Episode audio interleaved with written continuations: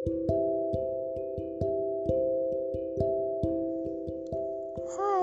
kalian apa kabar? Aku harap kalian baik-baik aja.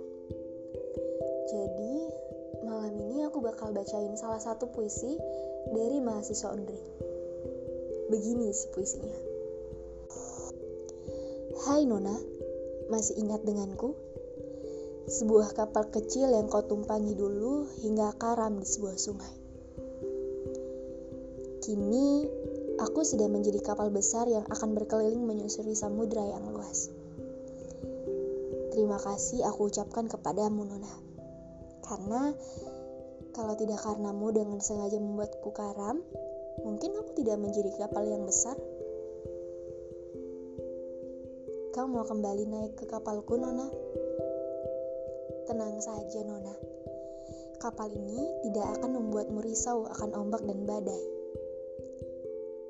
Aku sudah menyiapkan kabin yang aman untukmu, Nona.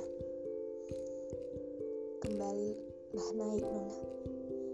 Akan aku ceritakan semua hal yang terjadi ketika engkau pergi dengan kapal mewah itu dan meninggalkanku karam di dalam sungai kerinduan.